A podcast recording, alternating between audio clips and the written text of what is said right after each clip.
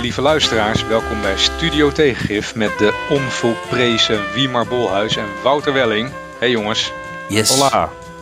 We zijn er weer. Mag, nu heb ik zelf veroorzaakt dat jullie even door elkaar heen praten. Hè? Want normaal doe ik eerst de ene en dan de ander.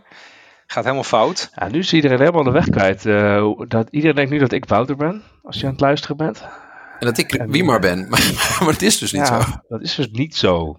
Niet nee, zo. maar dat hoor ik. Dat is feedback die ik veel krijg van luisteraars. Dat ze niet weten wie wie is. Maar ik heb er altijd van bedacht dat dat dan iets is wat op een, op een goede dag onze carrière gaat redden. Als we Toms uh, hebben gezegd. Nee, dat was ik niet. Dat was. En dan moeten we even kiezen wie we dan kapot willen maken. Nee, we zeggen dan niet, we weten niet meer wie het was. We weten niet, Ja, oh ja. niet meer herinneren. Rutte, ja. Het is gezegd, naar eer en geweten, maar ik weet niet meer wie het heeft gezegd. hey, nou, eh, alle gekheid. We hebben een leuk onderwerpje vandaag. Nederland loopt vast. En misschien, eh, we doen altijd eerst de gekte, maar dat gaan we zo doen. Maar ik wil eerst even introduceren waarom dit onderwerp. Want ik was, eh, ik was weer eens een van mijn vele, vele kranten aan het lezen. En ik, het viel me op een gegeven moment op dat ik de woorden Nederland, of liep vast of zoiets, dat ik dat er voor de derde keer in, in dezelfde krant las. En toen heb ik even een mooie, mooie kleine oefening gedaan. Um, namelijk gewoon even loopt vast googelen onder nieuws. En dan kijken wat je, wat je vindt. Ik wil jullie er niet mee vervelen, maar ik zal even een heel klein opzommingje geven. Dat is namelijk eigenlijk alles. Uh, ja, nee, ja, luister maar. De arbeidsmarkt loopt vast. En daarmee ook de samenleving, nu.nl. Uh, hersteloperatie voor toeslagenouders loopt volledig vast. De Volkskrant. Uh, volgende. Noodkreet kinderrechters. Uh, jeugdzorg loopt vast. Veroordeelde jongeren krijgen niet de hulp die ze nodig hebben. parafraserend. nou, volgende.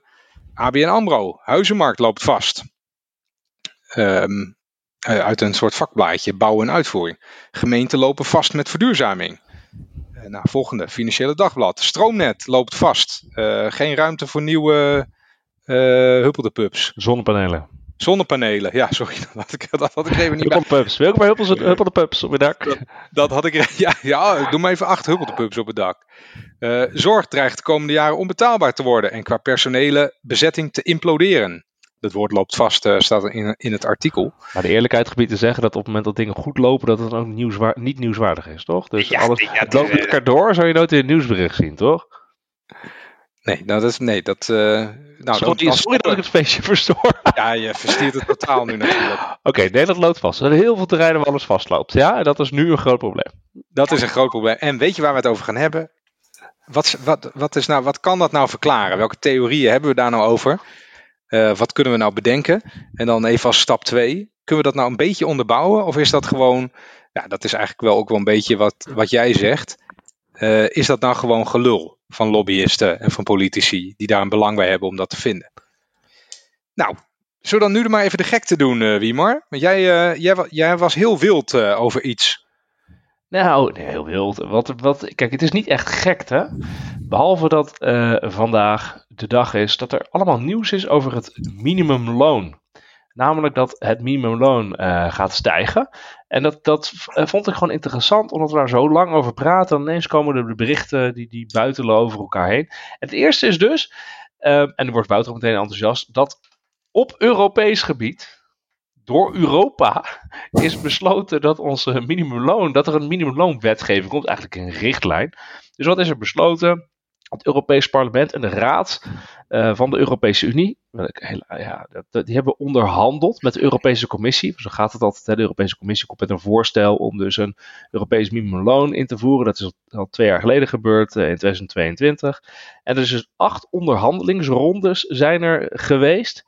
En nu is er dus een akkoord bereikt. Uh, hoofdonderdelaar voor het Europees Parlement was tussen Agnes Jongerius. Zij is uh, PvdA-Europarlementariër en wellicht bekend van uh, voorheen vakbondsvoorzitter van de FNV te zijn hier in Nederland. En er is dus een akkoord bereikt over het richtlijn voor een minimumloon in heel de EU.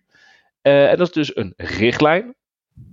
landen moeten dat gaan omzetten in nationale wetgeving de komende twee jaar. Het is dus geen verplichting om je aan het minimumloon te gaan voldoen, maar het is wel een richtinggevende norm. En dit is interessant, want alle nationale minimumlonen in de Europese uh, Unie, van alle 27 lidstaten, moeten daar dus onder gaan vallen. En 22 van de landen die uh, voldoen er op dit moment niet aan, aan wat is afgesproken. Dus dit is best wel groot wat hier eigenlijk uh, staat. Maar, en wat is er dan afgesproken? Misschien moet je het daar ook over hebben. Hele goede vraag. Ja, dat is een hele goede vraag. Jij nu aan jezelf stelt. Ja, de, de, Complimenten. Afspraak is, de afspraak is dat in Europa uh, het minimumloon in een uh, land, dus nationaal gezien, 50% van het gemiddelde bruto loon moet bedragen. Ofwel 60% van het mediaan bruto loon, bruto loon in het land.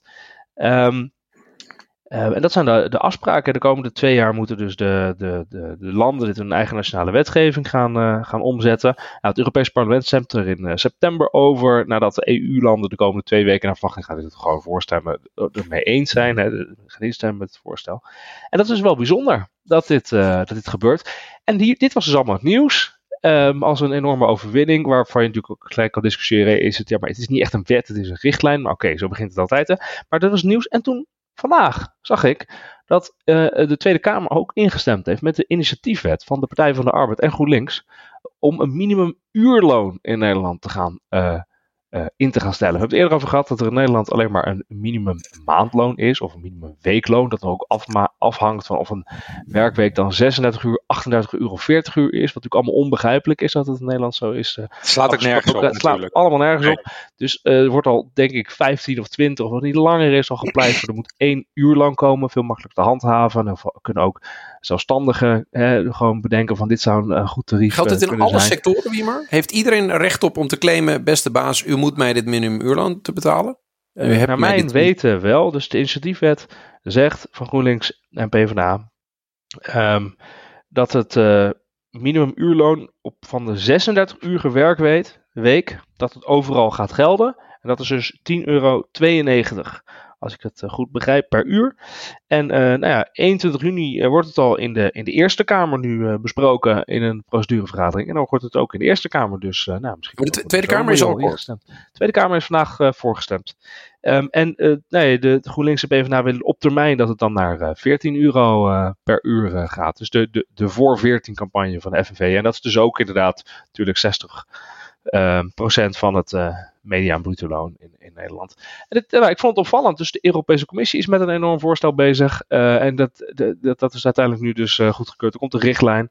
Uh, we gaan instemmen. Er komt er dus nationale wetgeving. En we gaan ook nog een minimuurloon invoeren in Nederland. Dat, er, er gebeurt veel. En waarom ja, is het zo bijzonder? Nou, het is omdat... bijzonder, omdat uh, ik heb ooit uh, European Studies Master gedaan. En ik heb ooit nog een scriptie geschreven. Die heette The European Social Dream. Vond ik altijd een hele ja, mooie titel. Weet dat wat ik zo raar vind? Dat jij over alles wat wij bespreken een scriptie hebben, hebt geschreven. Ja, hoeveel, dat, hoeveel van die dingen heb jij uh, achter de kiezer, Wouter? drie masterscripties. Dus dat zijn, en, en, ik schreef altijd een beetje een soort. Ik, dat, heb je dat ook? Dan ben je met zo'n scriptie bezig en dan denk je dat het eigenlijk overal aan raakt. Um, maar ik deed wel uh, van die studies waarbij je ook best wel wat dingen kon schrijven. Maar wat ik wil zeggen. Is voor de, trouwens, voor de luisteraar die, uh, die, die, die niet met ons mee kan kijken, en dat zijn er veel, denk ik. Die, uh, die moeten nu even weten dat Randy met een vingertje voor zijn hoofd zegt: Wouter, je bent helemaal gek in je hoofd. Dat je drie scripties gaat schrijven. Je bent helemaal wappie, ja. Ik vond het eigenlijk hele leuke periodes in mijn leven. Omdat je echt heel diep ergens in mocht duiken. Ja, wie maar, jij bent een veel grotere nerd dan ik. Dus je moet iets raar doen. Uh, ja, je schrijft allemaal die maffe boekjes. Ik, en, ik geef helemaal, ik geef er geen enkele...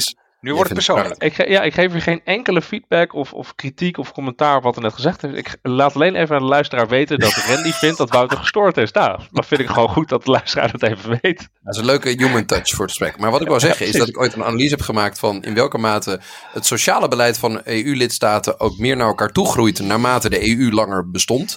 Uh, omdat er toen, uh, toen ik dat schreef, volgens mij was het 2010, nog geen EU-beleid op het sociale domein was. Dat is in principe de sociale pijler van de EU. Dat was, daar had de EU heel weinig competenties op het gebied van pensioenen, sociale zekerheid uh, en, en werknemersrechten. Um, en nu zie je eigenlijk dat dat domein waar de EU in principe geen competenties had, dat het één was het al zo dat EU-landen al dichter naar elkaar toe groeiden dan andere welvarende landen. Dus ondanks dat ze de EU er geen competenties had, zag je al in de empirie dat landen meer congruent beleid aan het gingen voeren. Dat is in ieder geval wat uit uh, meerdere onderzoeken kwam. Maar wat er nu ook gebeurt is dat de EU haar competenties uitbreidt op dat sociale domein. Waar tot een paar jaar geleden lidstaten echt nog altijd aangaven van ja nee, dit sociale beleid, daar gaan wij echt over. Ja, en het bijzondere is dat dat, tenminste dat is mijn analyse, ik weet niet of je dat deelt, dat dat dus ook komt omdat natuurlijk er heel discussie is geweest van hey, uh, de Verenigd Koninkrijk is uit de Europese Unie gestapt, mede omdat misschien het sociaal beleid door de Europese Unie en Commissie niet goed op de agenda is staan. hey, corona heeft toch wel laten zien dat je daar als uh, eh, EU ook meer stappen moet zetten. En dat gaat nu ook echt gebeuren. Van, wil niet alleen de economische pijler, maar sociale pijler. Ik vind het wel, wel mooi om te zien. En ik vind het zo bijzonder dat dus dus je eigenlijk zegt tegen 22 van de 27 landen, raise the bar. Weet je, dat minimum moet omhoog. Uh, dat, dat is toch echt wel bijzonder. Uh, um, en uh, persoonlijk vind ik het mooi, omdat ik in mijn eerste baan, toen ik bij de PvdA-fractie werkte, ook heel vaak moest opschrijven, we willen één minimumuurloon. Nou, dat is nu 13 jaar geleden toen ik daar begon met dat op te schrijven. En nou, nu gebeurt er wat. Er wordt, uh, er, er, wordt nog wat bereikt, uh, dus opeens. Dit is dus totaal geen gekte, hè? Dit is gewoon, uh, dit is gewoon een onderwerp. Dit is gewoon een, ja, klopt. Dit is een heel belangrijk, heel belangrijk onderwerp. ja. hey, dit is geen bruggetje, maar dit is meer gewoon een soort harde breuk. En dan gaan we naar het echt. Maar wacht, misschien is het wel gekte.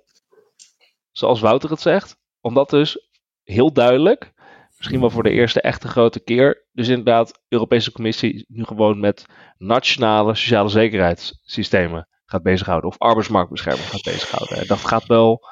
Uh, nou, dat gebeurt dan wel een beetje, maar niet op deze manier. Dit is altijd normaal gesproken een nationale aangelegenheid. Dus ja, het, is een beetje, het is echt een beetje nieuw uh, wat dat betreft. Hè? Want ze hebben ook zo, er, waren wel iets van sociale rechten, maar dat was allemaal een beetje soft uh, en niet dwingend. Maar die richtlijn is ook niet dwingend. Maar die... Nee, het is een, uh, zo een richtinggevende ja, norm. Kan je nu al voorspellen? Wat er nu, wat, er, ja. nu, wat er nu gaat komen zijn benchmarks waarbij deze landen gaan vergelijken in welke mate ze niet of wel overeenkomen met de richtlijnen. Dat gaat dan weer gepubliceerd worden, dat worden nieuwsitems, daar gaan politici vragen over stellen en langzaamaan komt er dan druk om inderdaad die richtlijn te volgen. Sterker, dat is wat de landen moeten zelf, de landen moeten zelf elk jaar uit gaan leggen waarom ze niet aan de 60 of 50 procent doen in hun land. En, eh, hebben ze Nederland moet het ook netjes gaan uitleggen waarom we dat niet, waarom dat uh, elk jaar niet aan voldoen. Dus dat gaat best wel ver. En ja, het, het is inderdaad, uh, dit, dit lijkt natuurlijk ook een beetje op um, eigenlijk wel die, die ondergrens die nu ook eh, aan zit te komen voor de vennootschapsbelasting. Hè? Dat je een soort, uh, soort sociale ondergrens trekt van hey, we willen dat er uh, minimaal zoveel belasting uh, ja. op winst wordt gegeven. En dit is juist dan weer sociale bescherming. Nou, er gaat wel veel gebeuren de komende jaren, denk ik. Het was natuurlijk altijd al verrekte logisch om, om een beetje zo'n minimum in te stellen op dat soort belangrijke punten. Ja, terwijl vroeger was het alleen vrij verkeer van kapitaal, vrij verkeer van diensten, vrij verkeer van arbeid, vrij verkeer van goederen, mis ik wat.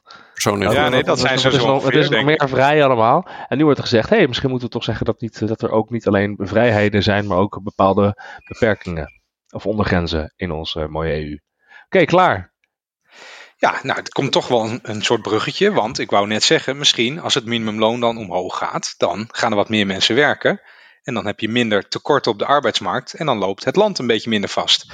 Dat is namelijk een van de uh, factoren die veel genoemd wordt. Um, en misschien is het leuk om die eerst dus even een beetje langs te lopen. Van wat voor dingen worden nou uh, gesuggereerd uh, in, de, in de kranten en weet ik veel wat, door de, door de grote denkers met columns. Dat is een beetje cynisch, wat ik nu natuurlijk zeg. ja, maar Randy, je bent een groot denker. Zeg het maar. Zeker, dankjewel. nou ja, weet je, kijk, arbeidsmarkttekorten hebben we eentje over gedaan. Wordt vaak genoemd. Dus misschien is het leuk om die dan over te slaan. Uh, maar Wouter, jij kwam met een heel goed artikel wat erop neerkomt. De overheid begrijpt de techniek waarmee ze werkt. Niet. Nou ja, kijk, als we het thema hebben van um, waarom Nederland vastloopt, dat is natuurlijk heel breed. Um, dan ben ik als, als ambtenaar ben ik vrij snel geneigd om nou te kijken van oké, waarom loopt wat er vastloopt vast. En wat is de rol van de overheid daarin? Had de overheid iets anders moeten of kunnen doen, of juist iets niet moeten doen, of zich ergens wel mee moeten bemoeien, niet mee moeten bemoeien? Um, en wat ik, uh, wat ik een hele leuke of een interessante verklaring vind, is dat, uh, en dat, dan moet ik even een paar kudo's geven aan een van mijn helden, dat is uh, Bert Hubert. die had een prachtig stuk, dat is een podcast met Gustav Bessems van de Volkskrant. Die maakt een podcast die heet Stuurloos. En die gaat eigenlijk over de, de stuurloosheid van onze overheid. En die had er een artikel, um, gevolgend uit de podcast met, met deze Bert Hubert. Dat gaat over dat de overheid meer nerdfluisteraars nodig heeft. Nou, dat heeft een beetje uitleggen wie die Bert Hubert eigenlijk is? Voor de, niet ja, is dat een pakketbakker? Of, uh, ja, Hubert, Bert Hubert is een, voetballer. voetballer een beetje, een beetje dit zijn een beetje een negatieve trend, uh, kindjes.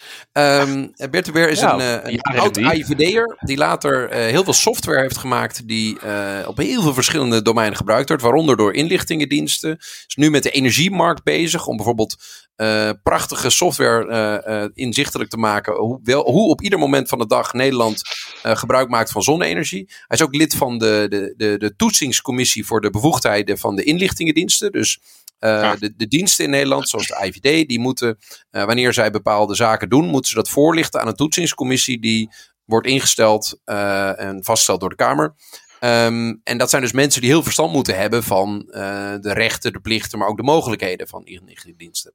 Um, Bert heeft ook heel veel meegewerkt met de, de corona-digitale ondersteuning. Dus de uh, de, de nationale splijtswam, de corona-check-app, was een van de mensen die, uh, die, die kritisch meedacht met uh, de, ja, alle technologie die de corona-pandemie meende te helpen bestrijden. Um, maar dus, het is echt een techneut. En, ja, dus ehm, die, de samenvatting is, deze man kan echt wat. Het is geen econoom of een bestuurskundige of een politicoloog die, of, of een jurist. Hij kan echt wat. Hij kan echt wat maken, technisch, waar we wat aan hebben. Dat is wat hij zegt. Hij zegt, de overheid heeft is, nerdfluisteraars nodig. Nou ja, nerdfluisteraars. En, en um, uh, hij zegt eigenlijk dat er is sowieso een groot gebrek aan, aan technici en vakkennis. Um, en hij gegeven als voorbeeld uh, Rijkswaterstaat, waar er heel weinig mensen meer in staat zijn om zelf uh, de technologie die nodig is om de afsluitdijk te vernieuwen. Uh, um, om, om daar uh, ja, daadwerkelijk schetsen van te maken en berekeningen te doen. Um, zodat ons, de vernieuwing van onze afsluitdijk nu niet een paar jaar, maar ik geloof twintig jaar duurt. Uh, ja, als niet een miljard uh, duurder of zo. En, en dat veel duurder. Ja. zie je eigenlijk bij heel veel um, uh, expertisegebieden. dus ruimtelijke ordening, inrichting, um, IT-beleid. Um, zie je heel vaak dat de kennis om echt iets te maken, al is het een stukje software, al is het hardware, al is het een dijk, al is het een weg, al is het een gebouw. Dat, dat die niet meer aanwe aanwezig is bij organisaties zelf. Um, maar dat er steeds meer expertise aanwezig is. Um, die gaat over het proces. Dus um, er zijn ontzettend veel mensen die, die, die bestuurssensitief zijn, die expertise hebben over adviseren. En ik, heb, ik grap daar zelf wel eens over dat we het risico lopen dat we alleen nog maar adviseurs hebben die elkaar adviseren over hoe heel weinig mensen iets gaan doen. Dit is de, dit is de realiteit. Nou, jij, jij zit ook in zo'n organisatie. En, en uh, wat, ik, wat ik mooi vind aan, die, die, aan Bert is dat hij ook aangeeft. Als je een organisatie echt wil kennen, moet je kijken naar zijn vacatures. Dus wat voor briljant, Dat vond ik echt een briljante, briljante uh, zin. In dat, in en als je, pijn, echt pijnlijk ook hoor, als je gaat kijken. Ja, wat er bij de overheid nonsens uh, kom je dan tegen. Dan krijg je mensen die, die uh, ja, bestuurssensitiviteit is heel belangrijk, maar ook um, uh, raakvlakadviseurs. Uh, het stikt van de accountmanagers. En dat zijn vast allemaal mensen die heel verstandig zijn en, en goed doorgeleerd hebben. Um, maar wanneer je daadwerkelijk met kritische infrastructuur van een land bezig bent, al is het op IT-gebied, op telecomgebied of op fysiek gebied, heb je mensen nodig die weten hoe dingen echt werken. Tot in de diepste um, haarvaten van de, de, de, uh, technologie of de, de, de dijkende zandvlaktes, de, gewoon de, de technologie snappen. En uh, wat overheden, net als veel bedrijven waar overheden mee samenwerken, de grootste bedrijven in Nederland vaak geworden zijn, zijn een soort van stapel contracten. Dus die beheren heel veel contracten met allerlei partijen. Maar dat zie je trouwens ook heel veel. Ontzettend veel inkoopmanagers. Organisaties die stikken van de inkoopmanagers. Omdat de diensten die de organisaties ooit zelf deden, allemaal geoutsourced zijn. Um, waardoor er maar een heel klein beetje is wat je zelf doet. En dat doet de afdeling inkoop, die afdeling juridische zaken. En je hebt nog een klein stukje marketing. Um, en ja, dat is bedacht weer door allemaal uh, economen en bedrijfskundigen. Die zeggen van uh, uh, dat je, je hebt de kennis en de expertise. Die heb je niet echt nodig. Die kan je gewoon inkopen als je het nodig hebt. en dat is wel natuurlijk een hele grote driver van wat hier nu aan de hand is. Hè? Ja, het is het angstaanjagende Dus dat organisaties, zonder dat ze het misschien zelf heel bewust doen, het proces tot doel maken. Dus dat ook overheidsuitvoeringsorganisaties, zij het, nou, verzin maar een uitvoeringsorganisatie, het kadaster, de Rijkswaterstaat, de Belastingdienst, um, heel veel moeite heeft om de kern van waar het zelf goed in zou moeten zijn te kunnen. Hetzelfde geldt voor de organisaties die ooit overheid waren, zoals KPN, die de, de, de hardware van de Nederlandse telecom-infrastructuur uh, doet, of uh, andere partijen die, die, die cruciale dingen doen in ons land. Um, en en hij, hij komt eigenlijk met het, idee dat um, wanneer je geen echte mensen meer in dienst hebt die um, de technologie snappen, dan raak je tweede graads onhandig. En dat is wel een leuke term om even uit te leggen. Eerste graads onhandig is, wil zeggen, ik weet niet hoe het moet, maar ik, weet, ik zou iemand die het wel weet wel herkennen. Dus ik kan niet hier uh, uh, de snoerenboel goed aanleggen, maar ik weet wel dat wie maar het wel kan. Tweede graads onhandig wil zeggen, je weet niet meer, je kan het zelf niet, maar je weet ook niet meer wanneer iemand het wel goed kan. Dus ja, je, ja, ja, ja. je huurt maar gewoon. Een, een, totale debiel ben je dan uh, eigenlijk. Of wat? nou ja, dat, dat is wel hard gezegd. Maar als je dan dus gevraagd wordt, huur goede expertise in om een bepaalde taak te doen. Dan huur je waarschijnlijk een bureau in om bepaalde expertise voor jou te gaan zoeken. Omdat je zelf geen flauw idee hebt wanneer iemand echt expertise op een bepaald gebied je bent, hebben. Je bent weer nog één stap verder van uh, het kunnen inhuren van, van de goede mensen gekomen. Je weet, ja. je weet dat, dat ook al niet meer. Je weet niet meer wat, wat je ze moet vragen. Je weet ook niet wie het zijn. En goede mensen, als die met jou zouden praten, zouden ze waarschijnlijk denken dat je gek bent. Omdat je niet weet wat je hen zou moeten vragen. En wat, wat die, die Bert Hubert, en daarom, nu kom ik bij de titel van het artikel, de nerdfluisteraar.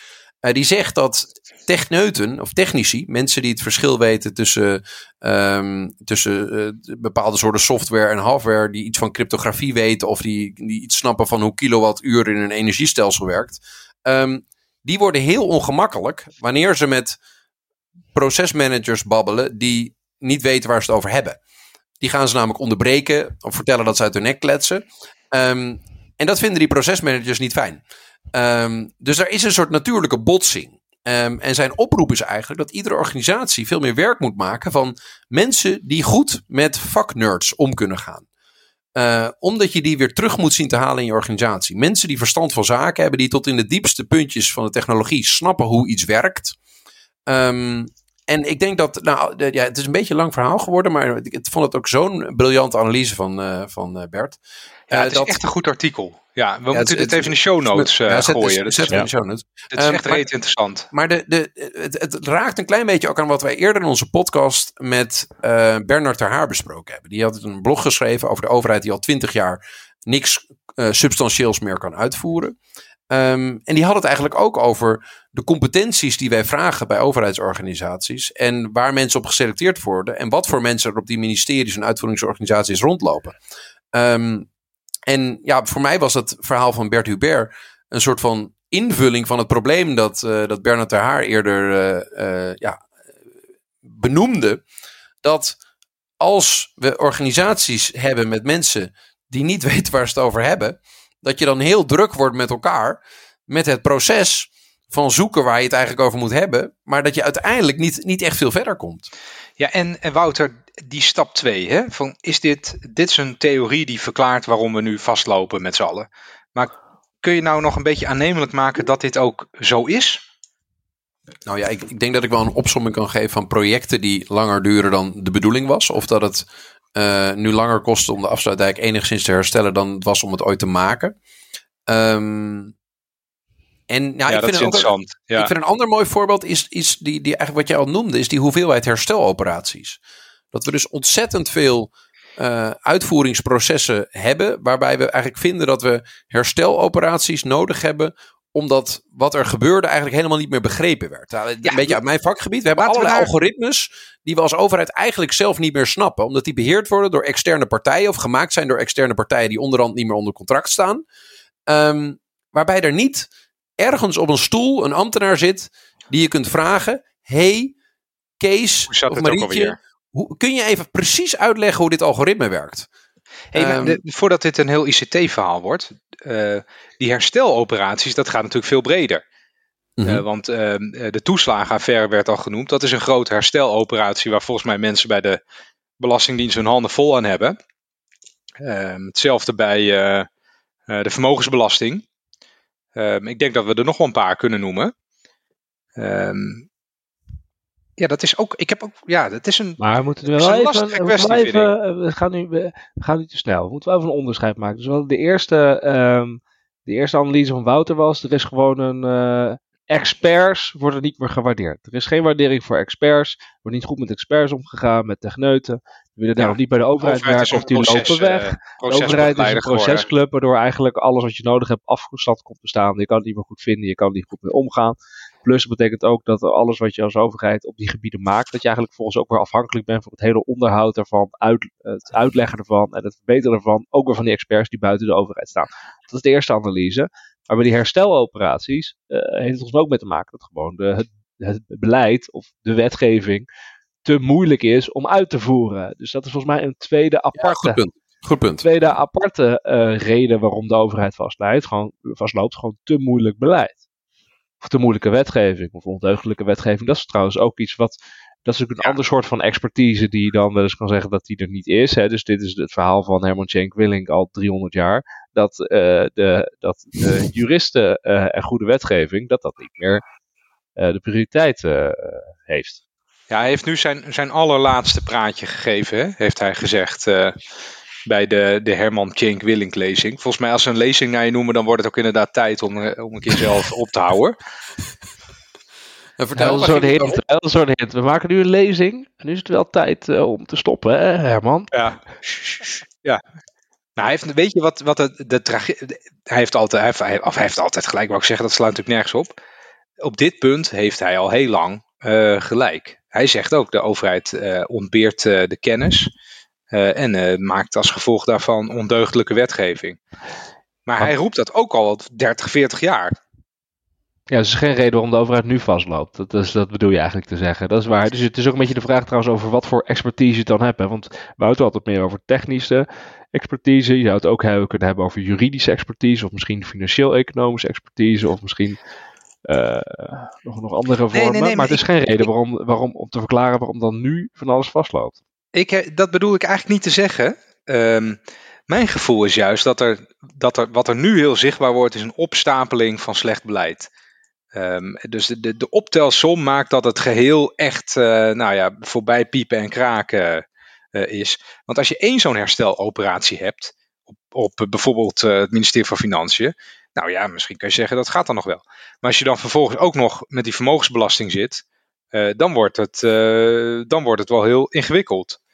Um, dus misschien is wat je nu ziet, is een soort legacy probleem van een overheid die al een poosje geen goede wetgeving maakt.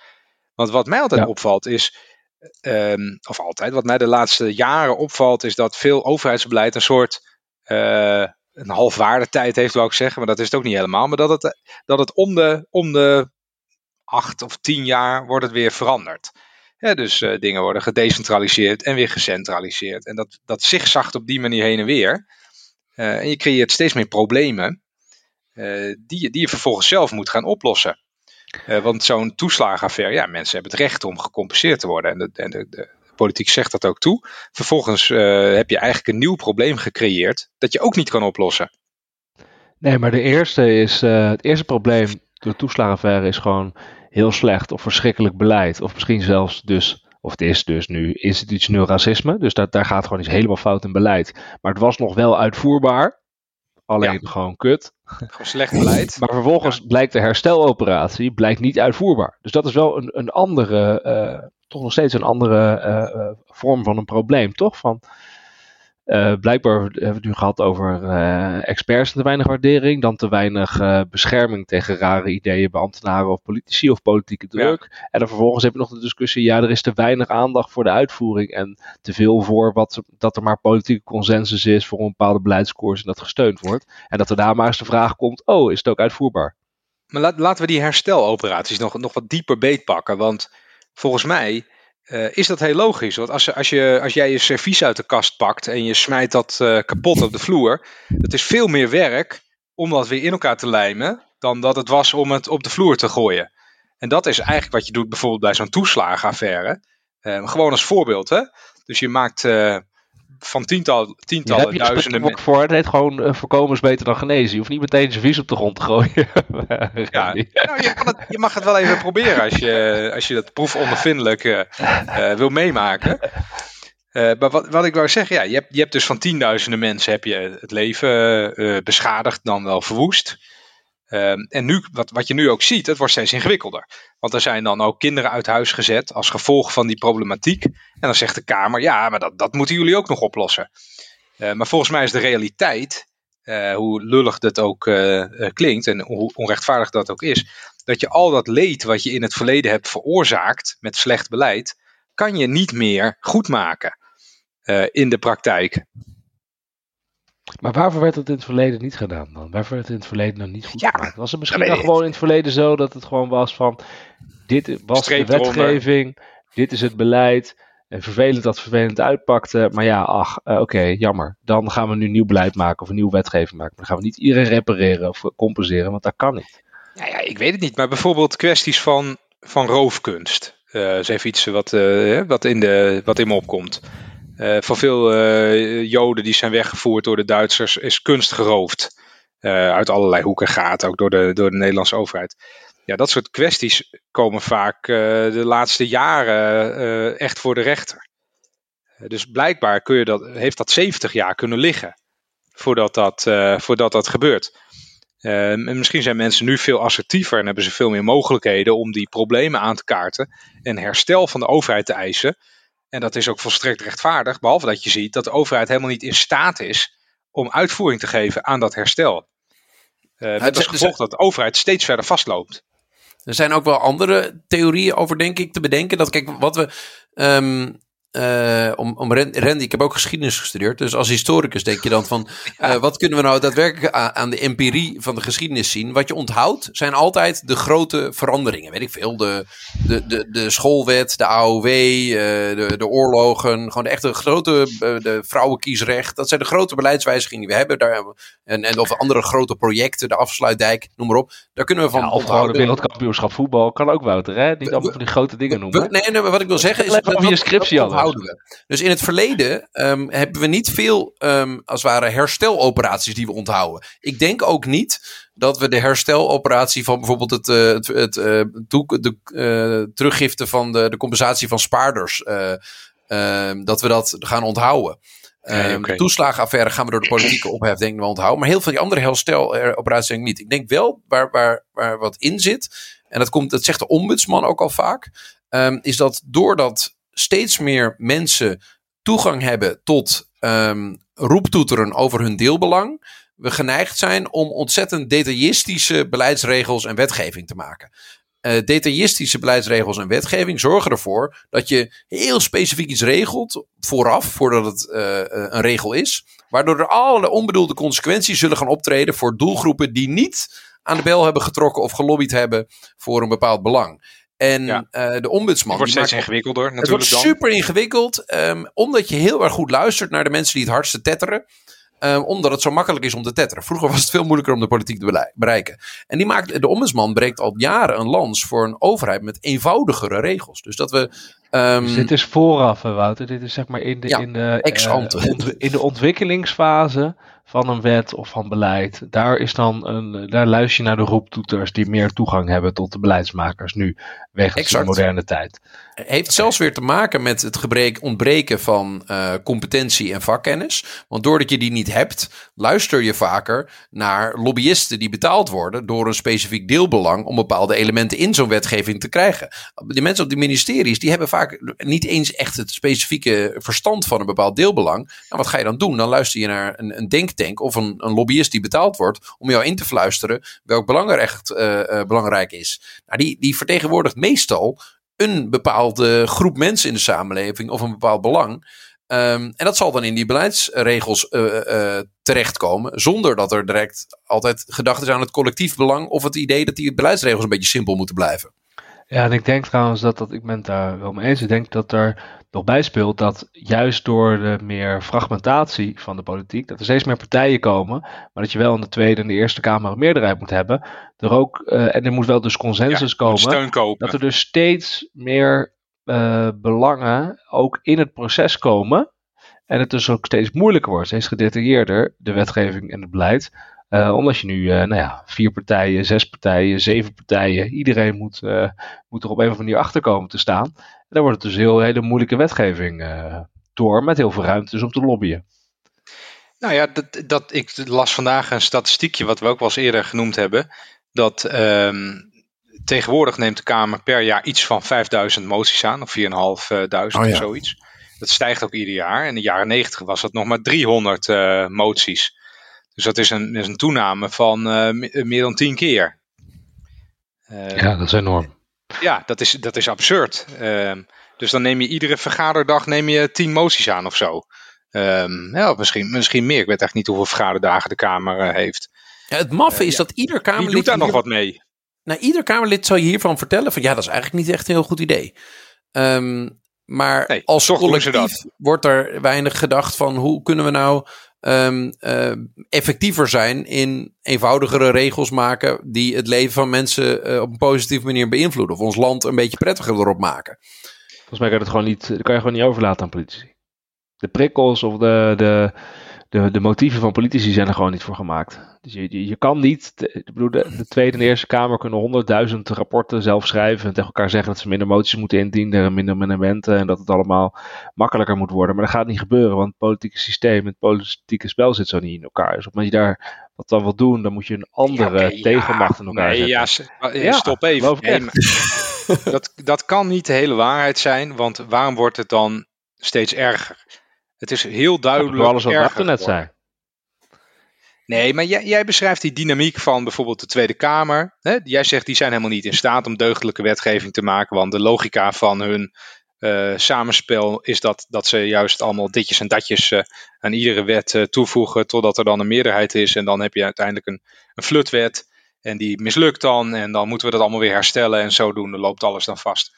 Maar in de jaren 90 had je, had je maar 300 moties uh, per jaar. Even om dat getalletje dan uh, als voorbeeld te nemen. Ik denk dus ook dat, dat uh, de digitalisering, social media, dat een hele belangrijke rol speelt hier.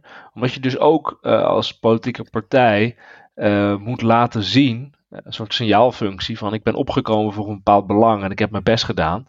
en ja, wat, iedereen kijkt mee iedereen kijkt nu mee. Dus je kan uh, door te laten zien, ik heb in ieder geval motie ingediend. Helaas is het niet aangenomen, maar ik heb dus wel mijn best gedaan. Of, ja, toch, ik heb wel aangenomen, ik, nog ik erger. Wel aangenomen. Ik heb er toch een meerderheid voor gekregen, want ik heb hem uitgeruild tegen vier moties van vier andere partijen. Die ook ja. nu voor is gestemd, waarvoor nu ook voor is gestemd. Ja, dat maakt het allemaal natuurlijk wel een stuk lastiger, die, die wetgeving en die beleidsvorming. Oh, dus maar dit is, dit, dit is, uh, ik ben even de penningmeester van deze boekhouding. Uh, dit is even theorie nummer drie dan. Een, de, de rol van de politiek. Um, nou, maar is ook de rol van dus uh, social media, media, digitalisering. Dat is denk ik een, een, eigen. Want je hebt fragmentatie in de politiek. Dat is er één afzonderlijke, waardoor je volgens mij al ja. meer invloeden krijgt. Maar een tweede is dan volgens mij ook dus die digitalisering in social media, waardoor je meer druk krijgt om dat te gaan doen. Eigenlijk heeft social media heeft de democratie verpest. Nou, dat, dat, dat, gaat wel een beetje ver, maar de, je kunt ook zeggen dat de democratie nog niet helemaal meegeëvalueerd is. Nou ja, die, die, die fragmentatie waar het heel vaak over gaat, hè, die, die in de Tweede Kamer uh, aan de hand is, die is natuurlijk een gevolg van die moderne technieken. Want vroeger had je, had je een heel partijapparaat nodig om een beetje landelijke dekking te kunnen hebben met uh, uh, het bereiken van kiezers. Want dat moest echt, dan moest je echt dingen door de brievenbus gaan duwen en dat soort, dat soort onzin. Tegenwoordig kan je, kan je vanaf je telefoon 10 miljoen mensen bereiken als het moet. Ja. als individu, daar heb je niemand meer bij nodig. Dus maar hoe, uh, hoe linken we dit aan, uh, aan Nederland dat vastloopt? Dus uh, eigenlijk zeg je hiermee de irrelevantie van de nationale politiek. Nee, nee, nee. nee. Wat, wat Wiemer zegt, goede wetgeving. Stel je mm -hmm. voor, een ministerie schrijft een uitstekende wet, perfecte wet. Nou, die gaat dan naar de Tweede Kamer. En dan gaan al die 18 fracties, die gaan erop los met hun amendementen en hun moties. En er, er, er komt een baggerwet. 19, baggerwet uit. Ja, ik, ik, ik werk op zo'n ministerie. Ik ga, ik ga het niet heel specifiek maken op een specifieke wet, maar ik herken dit wel echt hoor. Ik heb uh, debatten in de Kamer meegemaakt. van het ministerie van Binnenlandse Zaken. Uh, waarbij. Uh, nou ja, nee, nee, nee. Ik heb, laten zeggen, laat ik zo zeggen. Ik heb collega's die al heel lang op zo'n ministerie werken. En die, die praten dan over de jaren 80 of 90. En dan zeggen ze: ja, dan hadden we bewindspersonen. Die hadden alles gelezen, snapten er alles van. En die zeiden gewoon nee tegen de helft van de oppositiepartij. Ze zeggen: nee, gaan we niks meer doen. Doen we niet. Um, en, en nu lijkt het veel meer in de modus te zitten dat iedereen een mooi Twitter-filmpje van uh, vrij kort kan maken. Met een, een abonnementje op een wet of een motie. Die aan, er worden bij, bij de nieuwe wetsvoorstellen worden zo de tien moties aangenomen die het nog net eventjes anders maken. Daar wordt allemaal invulling aangegeven. Soms ook invulling aangegeven omdat het wel fijn is dat iemand daarna gewoon meestemt. Maar tien, met, Wouter, met het, met het aantal van 10 geef je gewoon een foute voorstelling van zaken. Want er worden eerder 100 of 150 uh, moties in zo'n proces aangenomen als je het mij vraagt. hey, maar ik wil ook naar. Uh, er, zijn, er zijn nog veel meer redenen waarom ons land vastloopt, Ren. je had er nog meer opgeschreven. Ja, ik heb, ik heb, we moeten het niet allemaal gaan behandelen. Uh, want ik kon een eindeloze rij bedenken. En vierde is zigzagbeleid. Die, die hangt hier een beetje mee samen. Dus misschien is het leuk om die dan nu even te doen.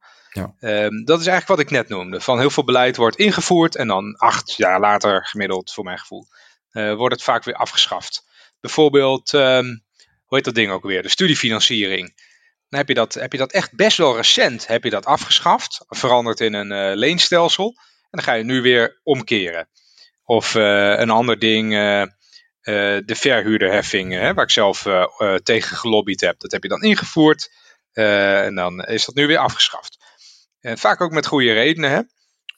maar het gevolg daarvan is wel, en dat, dat zal ook iedereen herkennen, en dat zal bij bij een onderneming niet anders zijn. Daar hebben knetterveel mensen hele dure uren gestoken in het realiseren van beleid. En dan een paar jaar later... En de uitvoering daarvan hè, moet je ook niet vergeten. Er zijn immense uitvoeringsorganisaties opgetogen om dat allemaal uit te voeren. En dan knipper je drie keer met je ogen en dan wordt het weer afgeschaft. Uh, er zijn ook wel voorbeelden van, van beleid uh, uh, dat, dat is al ingevoerd en afgeschaft voordat het, voordat het überhaupt in werking is getreden. Nou, dat is natuurlijk een ultiem voorbeeld van dat, dat het pure tijdverspilling is geweest. Um, ja, dat, um, dat is natuurlijk ook een gevolg, een gevolg, van die fragmentatie. Want had je vroeger misschien uh, de drie grote partijen, nou, dat wisselde wel eens een beetje. Hè? Natuurlijk, de, dan kwam weer de een aan de macht en dan weer de andere. Nee, uh, nee dat klopt je, niet. Volgens mij is, is, is die, die twee voorbeelden bijvoorbeeld die je nu noemt, de verhuurderheffing en de, uh, de, de, de, studiefinanciering uh, flipflop, is beide geen gevolg van de fragmentatie. Want dat zijn ongeveer dezelfde partijen die tot inkeer zijn gekomen en later besloten hebben dat het toch geen goed idee was. Die van mening zijn veranderd, ja. Dat ja, heb je wel dat er een soort uh, politieke cyclus is, die, die heel sterk is nu. Die gaan ja, en heel kort, super kort. Ja, ja. Maar ik kan wel zeggen, misschien heeft dat ermee te maken dat politieke partijen, juist omdat er zoveel concurrentie is, dat je veel meer moet aansluiten bij het gevoel wat er op dat moment uh, leeft onder de bevolking. Daarmee... Een soort kluitjesvoetbal, dat iedereen dan weer tegelijk van mening uh, Ja, allemaal een soort groupthink, de ene kant op en dan hop, weer de andere kant op. Dat, uh, nee, nee, nee jongens, het is, het is, maar dit was eigenlijk mijn dus volgende punt. Nog Volgens mij is, is het nog veel erger. Um, het is, ja. als, je geen, als je geen ideologie hebt, dan ben je een windvaan. Um, en als je dus collectief als partijen uh, uitvoert wat op die moment, dat moment de, de wind is die uh, door het land of de media lijkt te waaien, um, dan ben je ook heel erg vatbaar voor of flip-flop beleid, of voor hersteloperaties, of voor het niet aannemen van uh, vaktechnici. Want je hebt geen doelen op de langere termijn. Je hebt geen strategische doelen die je in een maatschappij zou willen bereiken, omdat je geen ideologie hebt om na te streven. En ik denk dat veel Nederlanders bij veel van de uh, problemen die we hebben, een gebrek hebben aan een ideologie om die. Want de ideologie als een, is als een soort van set van principes die je hanteert als je iets aan het doen bent. En als je dat niet hebt, um, dan wreekt dat zich op een gegeven moment. En dan wordt dus het proces van wat je verzonnen hebt terwijl je nou eenmaal de baas was, wordt het doel. En dan krijg je stuurloze organisaties. Het is wel interessant, het is inderdaad een andere dan politieke fragmentatie, een andere dan social media. Ja. Geen ideologie. Nou, je zou nog kunnen zeggen, uh, misschien dat uh, politici ook gewoon te veel wisselen of roleren. De zittingstermijn is te kort, dus het geheugen in de Kamer is ook gewoon heel kort. Of in de Kamers is heel kort. Nou ja, en daardoor ga je snel wisselen. Dat is over het onderbouwen, dat is een feit. Mensen zitten steeds korter. Uh, in ja, de Tweede Kamer. Schrijf het maar op, uh, zou ik dan zeggen. nummer nummer vier. Ja, de, nummer vijf. Gebrek aan ideologie. Ik ben de, de, tel nu al kwijt ook. Kortzittende politici, hebben we ook nog. Ja. Oké, volgende.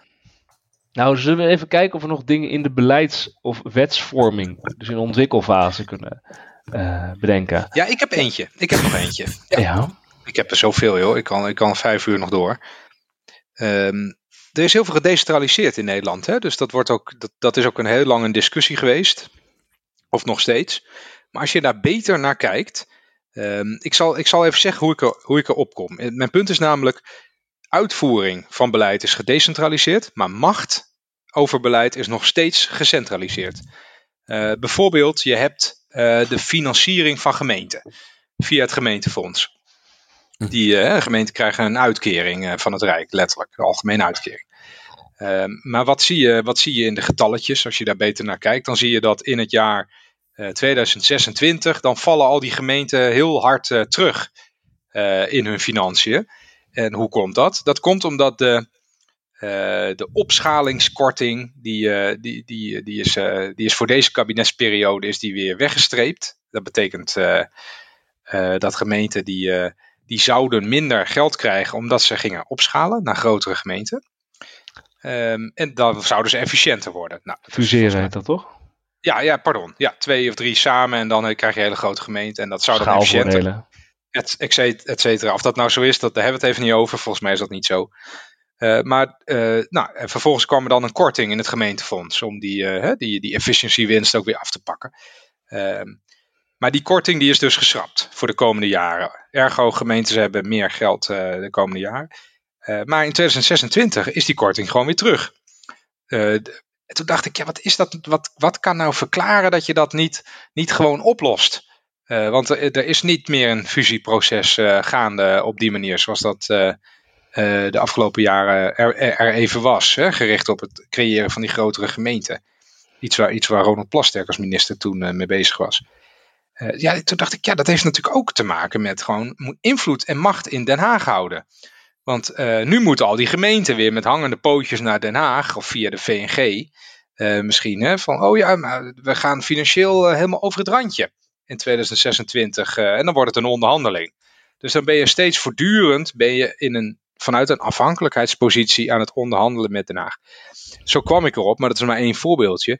Maar dat, dat geldt natuurlijk voor heel veel, heel veel punten. Beleid wordt gedecentraliseerd. Maar vervolgens de Tweede Kamer uh, vergeet dat ook onmiddellijk weer. En blijft gewoon de minister naar de Kamer roepen, moties aannemen, Kamervragen stellen over beleid wat ze eerst hebben, over de schutting hebben gegooid. Um, en dat is natuurlijk een recept voor slecht beleid. Ja, ik zeg het maar even plat. Als, wie maar, als jij, als jij in de positie komt dat jij alles moet uitvoeren wat ik bedenk, voor mij wordt het dan wel makkelijker om uh, daar niet al te goed over na te denken. Ik zeg gewoon, ja, je moet gewoon even dit. En dat, uh, ja, dat lukt wel, joh. En dan uh, met 20% minder geld. Ja, dat lukt wel. want ik heb zelf niet, hè, zoals de Amerikanen zeggen, skin in the game. Ik verzin dingen. En als het mislukt, dan zeg ik, ja, maar dat is die domme Wiemar. Die kan helemaal niks. die, dat is gewoon een kneus. we ontslaan hem, we zetten er een volgende neer. Um, en dat, dat heb je dus bij gemeenten heb je bij uitvoeringsorganisaties. Het heb je zelfs binnen organisaties. Gewoon een scheiding tussen de mensen die het bedenken en de mensen die de last hebben van dat die ideeën slecht zijn. Nou, ja, dat was nummer zes. Dus ja, dus uitvoeringsorganisaties op afstand is dan inderdaad een. nou, centra centralisatie van macht. Decentralisatie van uitvoering. Ja. ja waardoor je in het centrum hou je de bestuurders over met een, een hofhouding aan bestuursadviseur. En uh, zoals vroeger bij het Russische Tsarenrijk. De ja, ellende nou, komt bij de lokale exact. adel. En, uh, en, uh, en de feesten en partijen zitten bij, bij de tsaar en zijn hofhouding. In het Kremlin. Ja, ja. Daarom, daarom, wil ook iedereen centraal werken. En niet zo snel in de uitvoering. Nee, ja, en, en de salarissen worden trouwens ook nog eens centraal vastgesteld. Hè? Dus die bestuursadviseurs die verdienen wat meer dan al die mensen bij de uitvoeringen met de gemeente. Ja, absoluut. Ja, maar Volgens is, mij, is het, waarom, waarom loopt het hierdoor vast? Dus eigenlijk zeg je, dus ook door die decentralisatie van uitvoering en centralisatie van macht, hebben ze dan weer centraal niet zoveel verstand? Of zeg je eigenlijk, nee, dan, nee, nee. dan boeit het ze gewoon, gewoon niet zoveel meer? Je hebt een hele zwakke prikkel om goed na te denken over beleid. Ja, ja, als jij dat iets bedenkt ja. wat mislukt, dat raakt jou niet. Ja. Of heel indirect. Um, dus dat, ja. dat, dat vind ik, dat, dus, stapje 2 is het dan aannemelijk. Ja, dat vind ik wel aannemelijk, dat dat een negatief effect heeft op beleid. Want als je alles zelf moet uitvoeren wat je bedenkt, dan denk je er wel twee keer over na. Ja, ik wil nog een, een, stapje verder gaan, zeg maar, van beleid naar de uitvoering, maar dan ook nog een stapje verder naar de burger. Ik vond het dus heel interessant hoe uh, Kim Putters dat tijdens zijn afscheid uh, in al zijn interviews de hele tijd zei. Zei ergens um, dat het perspectief van burgers eigenlijk te weinig terugkomt in beleid. En dat is natuurlijk interessant, want dat is precies volgens mij wat je ziet. Er wordt beleid gemaakt in een soort in, een beleidsomgeving waar de consensus moet worden gevonden uh, en er moet een, meerderheid voorkomen. Vervolgens moet het uitgevoerd worden. Nou, daar zit al een scheiding tussen, want centraal versus decentrale uitvoering. En vervolgens de vraag: snapt de burger het eigenlijk nog? dat is nog een vraag verder. En daar gaat natuurlijk dan ook wat fout. Ik bedoel, je loopt ook vast op het moment dat je beleid bedenkt en volgens met hort en stoot uh, uitvoert, wat vervolgens burgers niet begrijpen of niet kunnen volgen. Um, dus volgens mij is dat nog, nog een stap verder. Kijk, het is heel interessant dat bij, uh, bij wetsvoorstellen dat er vaak een uitvoeringstoets bij zit, bij een uitvoeringsorganisatie, maar niet gewoon een toets, snapt een burger dit? Wat ingewikkeld wel, wat, wat, best wel, wat best wel een belangrijke vraag is als je wetgeving maakt, volgens mij. Behalve dat je juridisch kan zeggen, iedereen die in Nederland woont wordt geacht de wet te kennen. Maar uh, dat is eigenlijk wel een hele... Oh, ik werk op zo'n ministerie en ik ken een heleboel wetten die, die, die ik zelf uh, heb moeten lezen. Vind ik veel te ingewikkeld om te helemaal te begrijpen. Uh, dus ik durf te wedden dat gemiddelde mensen dat al helemaal niet kunnen. Maar dat vind ik een goed punt. De overheid zit natuurlijk 100% vast in dat in, in, in, de, in die wetsfictie van uh, mensen horen dit te snappen. Dus we hoeven daar ook ons verder niet in te verdiepen. Uh, Of ze dit eigenlijk wel snappen. Want dat moet. Ja, precies. Maar dat is ongeveer wat ik eerder ook zei, wat, wat, waar de ombudsman al jaren op hamert. Eenvoudigere regelgeving. Dus regelgeving waarbij uh, het begrijpelijk is wat voor impact het op het beleven van mensen heeft. als als ja. doel op zich. Putters, Putters dreigt eigenlijk een beetje de volgende Herman Cenk Willing te worden. Hè? Dus ja, je leven gelijk hebben, niets bereiken, niemand luistert. Maar ze vinden je wel allemaal heel slim. Ik vond, ik vond het trouwens wel een hele goede, goede, uh, goede opmerking van een aantal mensen die zeiden van... hey, uh, Kim Putters, de meest invloedrijke man van Nederland. Maar over in alle interviews horen we dat hij al negen jaar aan het praten is en niemand naar hem luistert. dat hij dat zelf zegt. En dus geldt het ook voor Herman Jake Willink.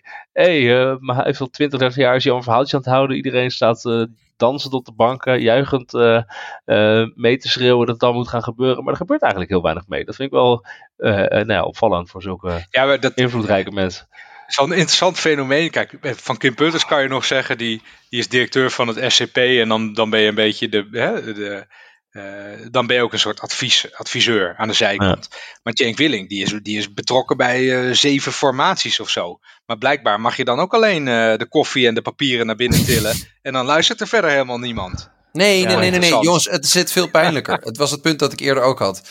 Dus mensen, de, het hele systeem weet dat deze ooit gefrustreerde sociaaldemocraten, want dat verenigt ze wel een beetje, um, gelijk hebben. Um, maar de competentie is er niet om het tot uitvoering te brengen. Of de wil. Ja, ja, ja, lastig. Ik vind het een lastige kwestie. Ik heb nog een hele andere weer. Uh, waarvan ik, uh, daar probeerde ik een column over te schrijven. Ja, sorry Wiemar, een hele slechte ook nog. En dat zeg sorry Wiemar? Niet. Nee, ja, die zei uh, columnist Big Brains of zo, daar hadden we het, hadden we het over. Oh. Het begin grote van denkers, grote denker. Ja, grote, grote denker, dat was het. columns. dat was juist cynisch, was dat. Maar goed.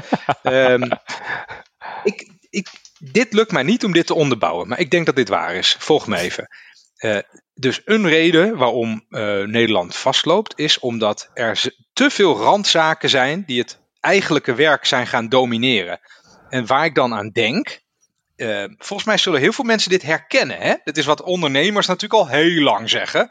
Al ja. die klote regels, ik kan mijn werk helemaal niet meer doen. Ja. Um, maar ik ervaar dat zelf ook als, als, als uh, overheidsdienaar. Namelijk, je hebt bijvoorbeeld uh, de WOP. Supergoed dat dat er is. Alleen uh, als je zo'n verzoek aan je broek krijgt, nou dan ben je nog lang niet jarig. Want dan kan je, dan kan je heel veel werk wel even in de koelkast zetten. Dat is één voorbeeld. Je hebt de AVG. Dus als je even een lijstje wil maken van hè, mensen die wat van je moeten, nou ja, dat al, niks mag. Daar komt het eigenlijk op neer. Niks mag. Uh, dan heb je uh, marktverstoring wetgeving. Uh, dat komt er eigenlijk ook op neer. niks mag als overheid. Want het verstoort altijd de markt. De, Aanbestedingsregels. het mag, ja, ja, dat is de volgende die ik wilde oh. noemen. Ja, precies. Aanbestedingsregels. Oh, je moet even snel wat kopen? Kan niet. Je moet eerst een of ander heel ingewikkeld proces door. En dan weet ook niemand, hè, dus niemand weet dan hoe dat zit. En dan is er altijd één, één poppetje die weet dat dan wel. En die wordt dan de baas en die zegt, niks mag. dit is heel herkenbaar. Ja, dit is heel herkenbaar. Maar dit is dus wel de analyse, dus niet meer voor in de beleidsvoorbereiding of de, de wetsvoorbereiding, maar dit is als je in de uitvoering zit, hè, als je al bezig bent. En dit is wel heel herkenbaar. Ik heb een beetje hetzelfde opgeschreven, namelijk dat het allemaal heel ingewikkeld wordt, omdat je vervolgens heel veel discussies krijgt over dat er dat het allemaal transparant moet zijn, dat er bezwaar een beroep moet, moet zijn, oh, dat, dat er bescherming moet zijn van bepaalde belangen. En dat, dat, dat, dat, daar ontstaat een soort, zo heb ik het opgeschreven, een soort eigen wereld van juristen en bestuurskundigen en economen, die echt afslaat van ja, daadwerkelijk wat voor elkaar krijgen. Daar komt het eigenlijk op neer. Want je loopt alleen maar vast. Je staat met z'n allen de hele tijd stil. En dan zit je weer te bedenken waarom, waarom was het eigenlijk een goed idee. En dan komen allemaal hele theoretische verhalen. Maar langzamerhand zit je op een optimum wat wel zo ver weg is wat optimaal was. dat ja. je eigenlijk met elkaar denkt, dit, dit voegt niet meer veel positiefs toe. Ik zal een heel simpel uh, voorbeeldje even als denkoefening hè, bij de hand uh, nemen. Je hebt woningnood. Jij bent, uh, Wiemar, jij bent wethouder wonen in de gemeente Schubberkutteveen. En daar is een tekort aan 100 woningen. Dus jij zegt, hey, we gaan hè, niemand, niemand wil dat bouwen of zo, of het duurt te lang. Dus we gaan een stuk grond kopen en dan zetten we een flat op met 100 woningen. Opgelost. Hè? Ieder kind uh, zal denken, nou, dit is, uh, dat, dat, is een, dat is een manier waarop je het kan aanpakken. Maar ja, je, wil, je, wil, je wil dat doen. Nou, dat is misschien wel marktverstoring. Hè? Daar kan iemand bezwaar tegen maken, want de overheid mag dat niet doen. Um, je wil, je wil grond kopen, heb je allerlei financiële regeltjes die, uh, die bepalen of je dat wel op die manier uh, mag doen. Ik ga er allemaal niet, uh, niet te diep op in. Ehm, je hebt stikstofregels. Dat mag, hè, daar, daar, mag helemaal niet gebouwd worden, want er moeten eerst nog boeren uitgekocht worden en dan moet nog heel berekend worden of dan die stikstof, die stikstof wel goed is. Oh ja, nee, maar dit ligt ook, dit ligt ook net in een, in een soort rode contour van een, van een luchthaven. Dus uh, ja, daar is hier toch geluidsoverlast. Die mag helemaal niet uh, gebouwd worden. Oh, en dan wordt er vervolgens een korenwolf uh, gesignaleerd in dat gebied. Ja, nee, maar dan moet eerst, eerst moet er dan alternatieve wonen, of alternatieve woonruimte, alternatief leefgebied voor die korenwolf worden gecreëerd. En dan moet wel aangetoond worden dat hij dan ook gemigreerd is van dat gebied naar dat gebied. En zo heb je, heb je wel, nou, ik, heb het niet, ik, kan niet, ik kan niet een getal produceren, maar zo heb je misschien wel tien tien uh, blokkades die voorkomen dat jij gewoon kan doen uh, wat nodig is.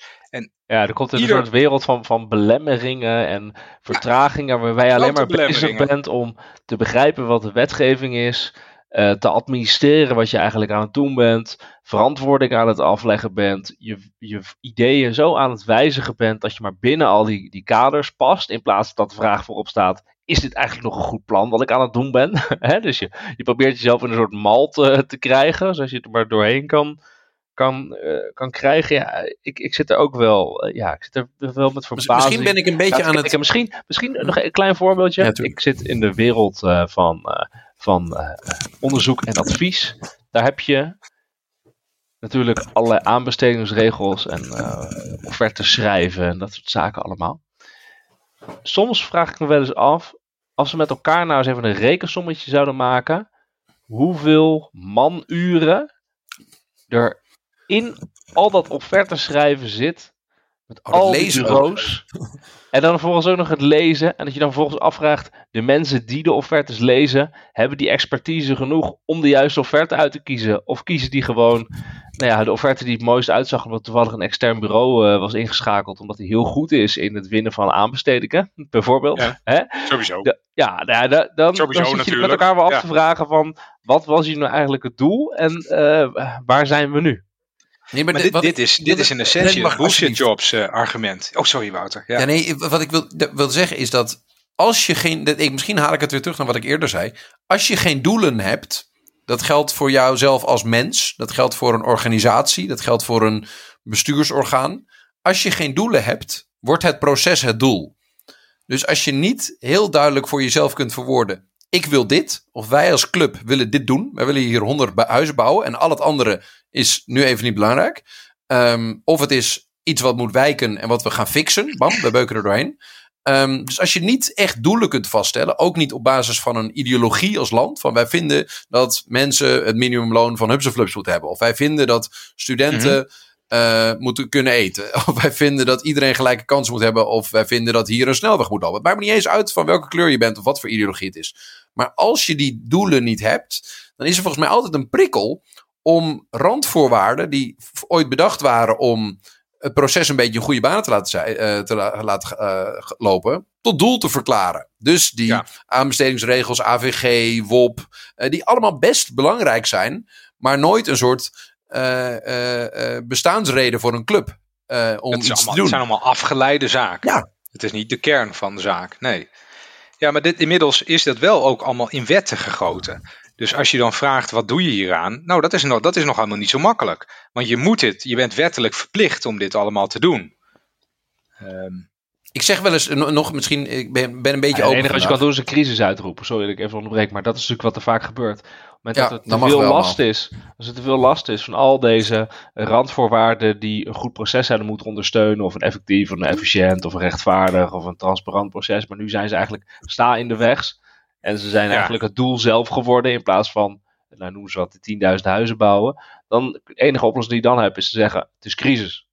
Ja, alle nou, regels gaan nu de, de prullenbak in. En dat is natuurlijk dat wel... zie je bij corona, zag je dat wel. Dus ja. al, die, al die dingen die ik net opnoemde, die zijn bij corona natuurlijk totaal het raam uitgegaan. Omdat uh, er te snel gehandeld moest worden op een te grote schaal.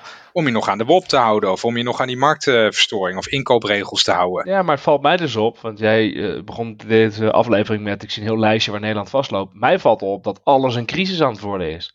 En dat valt, want er is een wooncrisis, en er is een klimaatcrisis, en een stikstofcrisis, de arbeidsmarktcrisis. Er is, overal is er een crisis. Wat uiteindelijk volgens mij laat zien dat als dat groot genoeg vormen aanneemt, kunnen we dus inderdaad de bestaande regelgeving maar even aan de kant zetten. Want anders gebeurt er gewoon veel te weinig. Ja, ja maar dat, iedereen doet ook zijn uiterste best om, om zijn onderwerp tot een crisis te laten uh, verklaren. Ja, dan, hoef je, dus, dan mag je alles. Ja, dan mag je opeens alles. Ja, ja dan loop je niet vast. Nee, maar eigenlijk is dus het uitroepen van een crisis is een nieuwe vorm van het benoemen dat we eindelijk een doel hebben. Dus hiervoor zeiden we, ja, jongens, ja, ja, we gaan wat ja, deltawerken aanleggen, want het land overstroomt, vinden we niet fijn. Uh, we hebben een doel met elkaar. Nu iedereen even neuzen dezelfde kant op, gaan deltawerken aanleggen. Uh, maar nu zeggen we, we hebben een crisis. En daarmee bedoelen we eigenlijk, jongens, we hebben weer een doel met elkaar. En we gaan al die overhead die we verzonnen hebben, gaan we even wat minder belangrijk maken.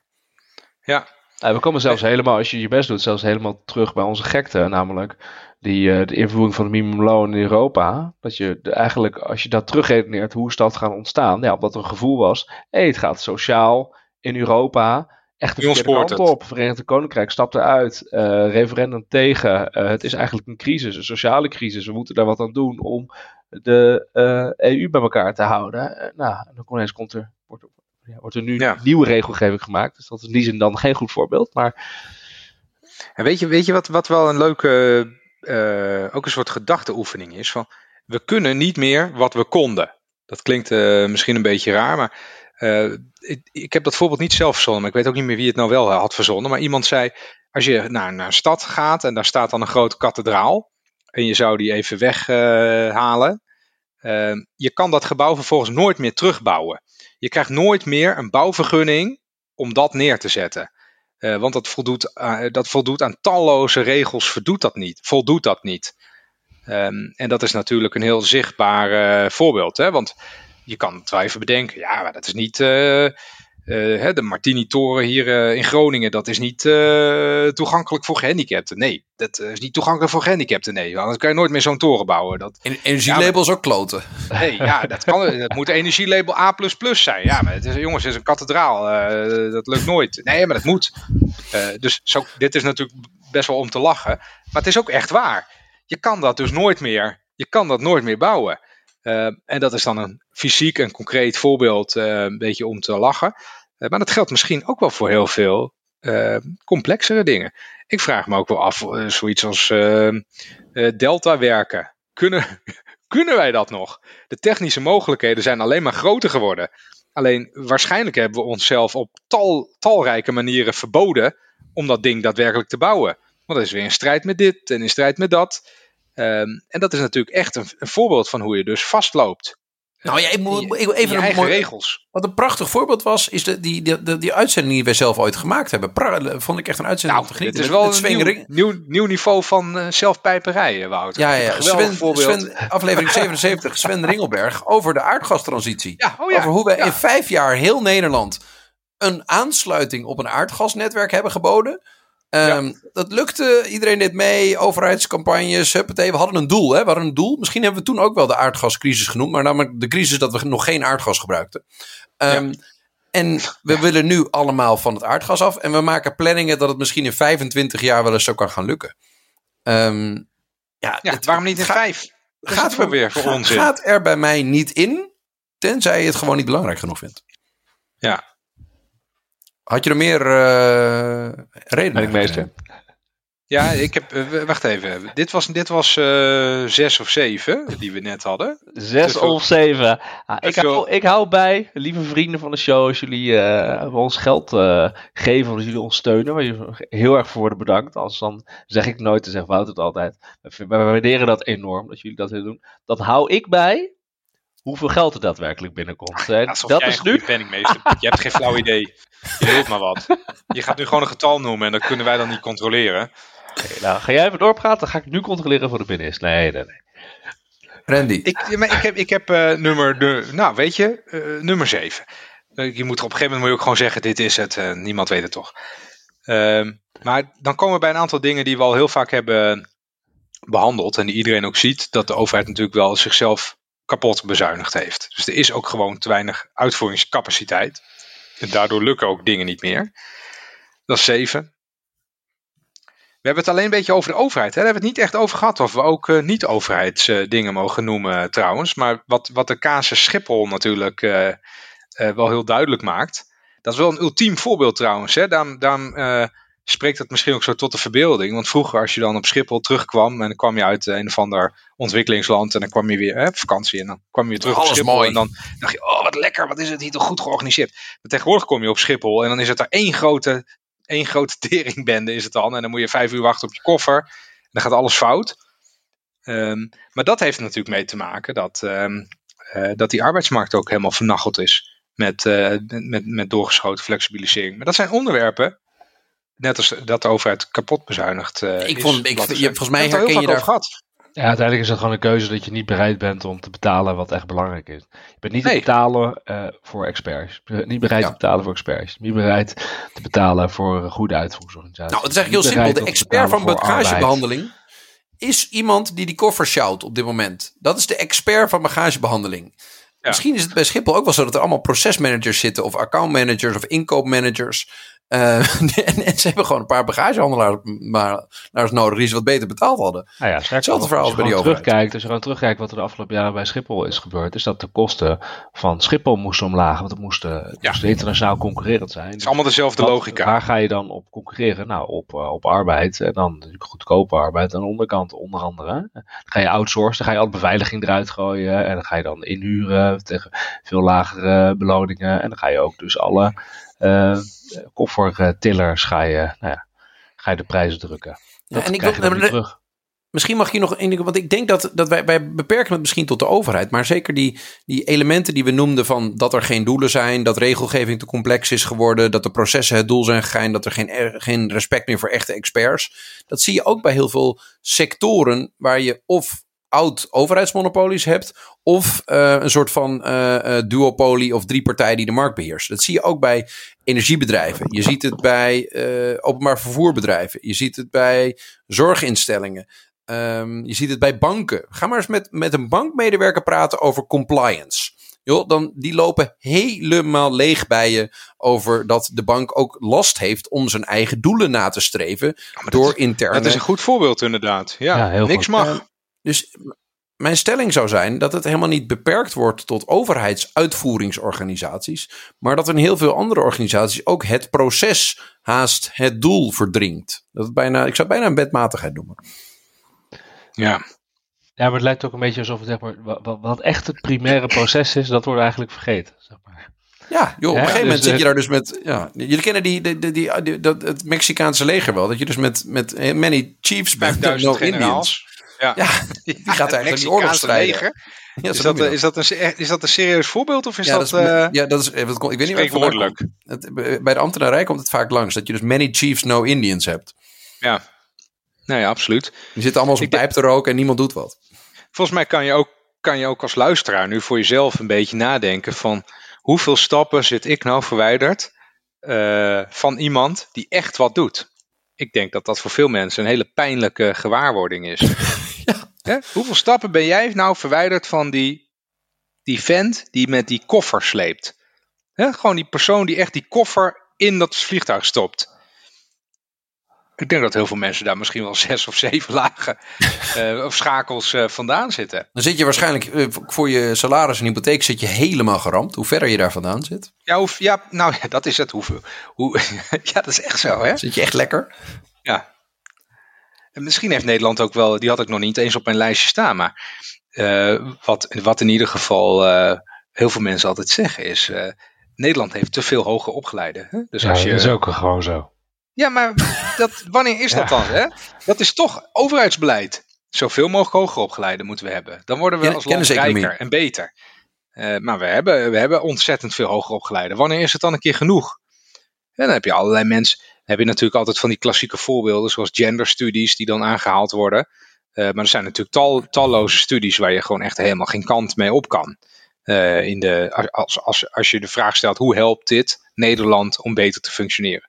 dan blijkt toch dat heel veel mensen zijn opgeleid in het uh, vertellen van andere mensen hoe zij hun werk beter kunnen doen.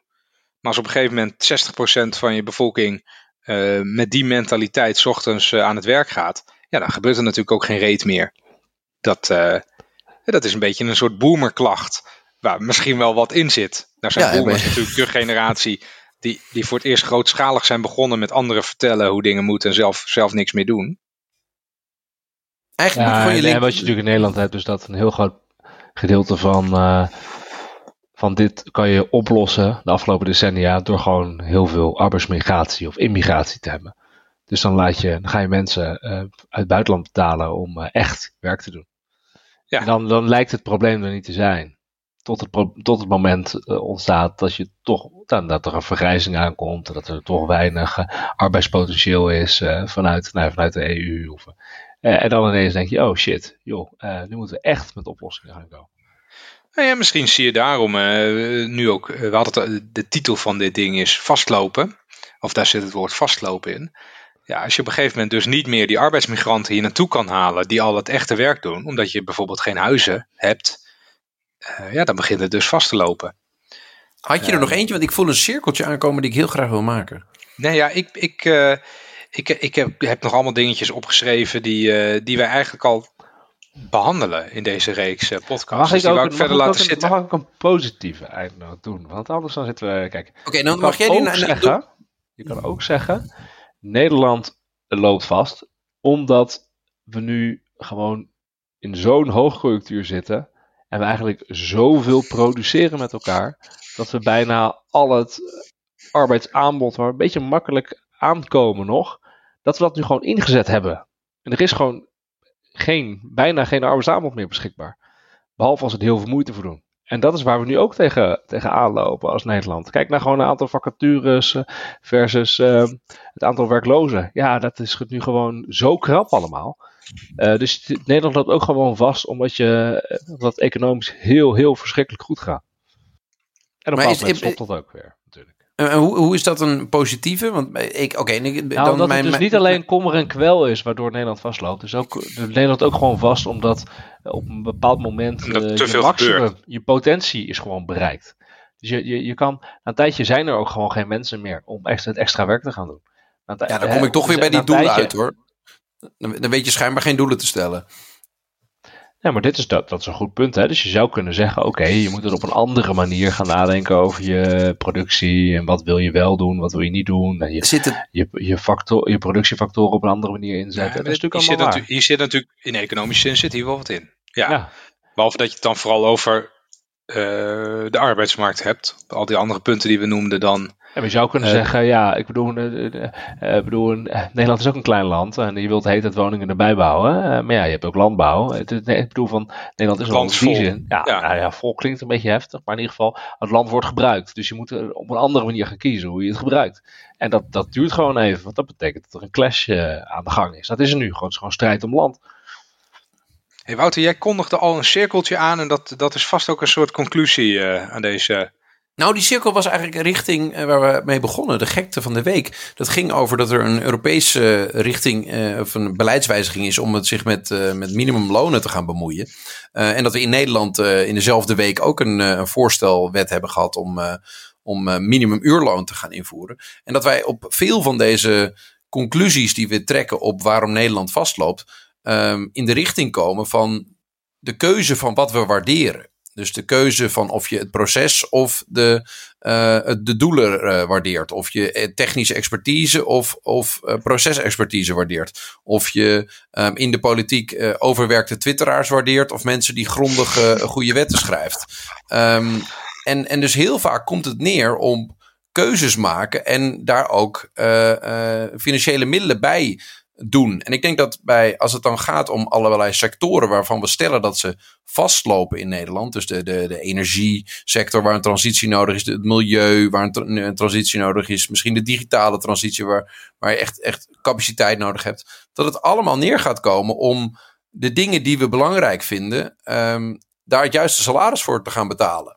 Um, en dat begint bij de mensen in de sectoren waarvan we zeggen dat er een crisis is of dat die vastloopt. Zorgen dat de mensen die daar de dingen doen, dus niet de inkoopmanagers of de accountmanagers of de procesbegeleidingsadviseurs of de raakvlakadviseurs. Uh, dat je de mensen die de dingen doen uh, een fatsoenlijk salaris gaat betalen. Uh, daar kom ik steeds bij uit. En dat vereist dat je dus vaststelt wat je doelen zijn met z'n allen.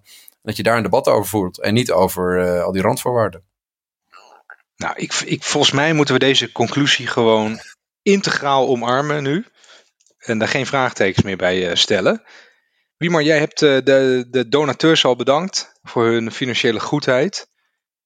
Wil jij nog, een, woord, wil jij nog een woord van dank uitspreken, Wouter, uh, naar onze lieve luisteraars. Ja, Wouter, vertel, ja, want uh, we, we, gaan Wouter nu, uh, misschien goed om even te vertellen, we gaan Wouter compenseren voor al zijn investeringen in de geluidskwaliteit en de apparatuur. Dus die, dat, dat, is het eerste gedeelte waar, waar onze bijdrage, jullie bijdrage ja, heen gaat. Dus, de, financiële, de financiële verantwoording. Ja, de financiële verantwoording. Dus Wouter, leg je eens even uit. Jij bent techneut van ons, je hebt, je hebt een heel duur apparaat gekocht, waardoor wij zo Oh nee joh, ik heb, een, ik heb, ik heb heel veel dank gehad aan een aantal andere podcastmakers makers die mij uh, geadviseerd hebben. En ik heb onder andere een Zencaster abonnement en een Adobe Audition uh, abonnement. en dat kost gewoon geld. En daar besteden wij het geld van de luisteraars aan. En daar zijn we super dankbaar voor. Uh, Soundcloud abonnement. Soundcloud betaald abonnement. En het enige wat we besloten hebben is dat het de podcast niet al te veel meer moest kosten dan die opleverde. En nu draaien we nog niet kiet, kan ik verklappen. Nee, we doen het dus, ook voor ons plezier. We stoppen er zelf geld in. Wij investeren in, in juli eigenlijk. Ja. dus dit, komt dit, dit, is weer heel typisch. Dit begon met bedankt en dit eindigt met we hebben eigenlijk jullie geld gegeven. Ja, dus, dus uh, heel, heel fijn dat jullie weer een mooie aflevering hebben geluisterd op onze kosten. en, en, en, nu nou, jongens, uh, ik, ik, ik ga vier weken op vakantie, dus uh, de volgende gaat iets langer op zich laten wachten. Ja, goed. Randy, wij gaan stiekem met z'n tweeën podcast opnemen. Dat kan natuurlijk ook. Kun, kunnen jullie een keertje de inhoud in? Zo mooi. Beste uitzending ooit. Hey, lieve luisteraars, bedankt voor het luisteren. Wouter, fijne vakantie. Wiemar, slaap lekker. En allemaal tot de volgende keer. Ciao.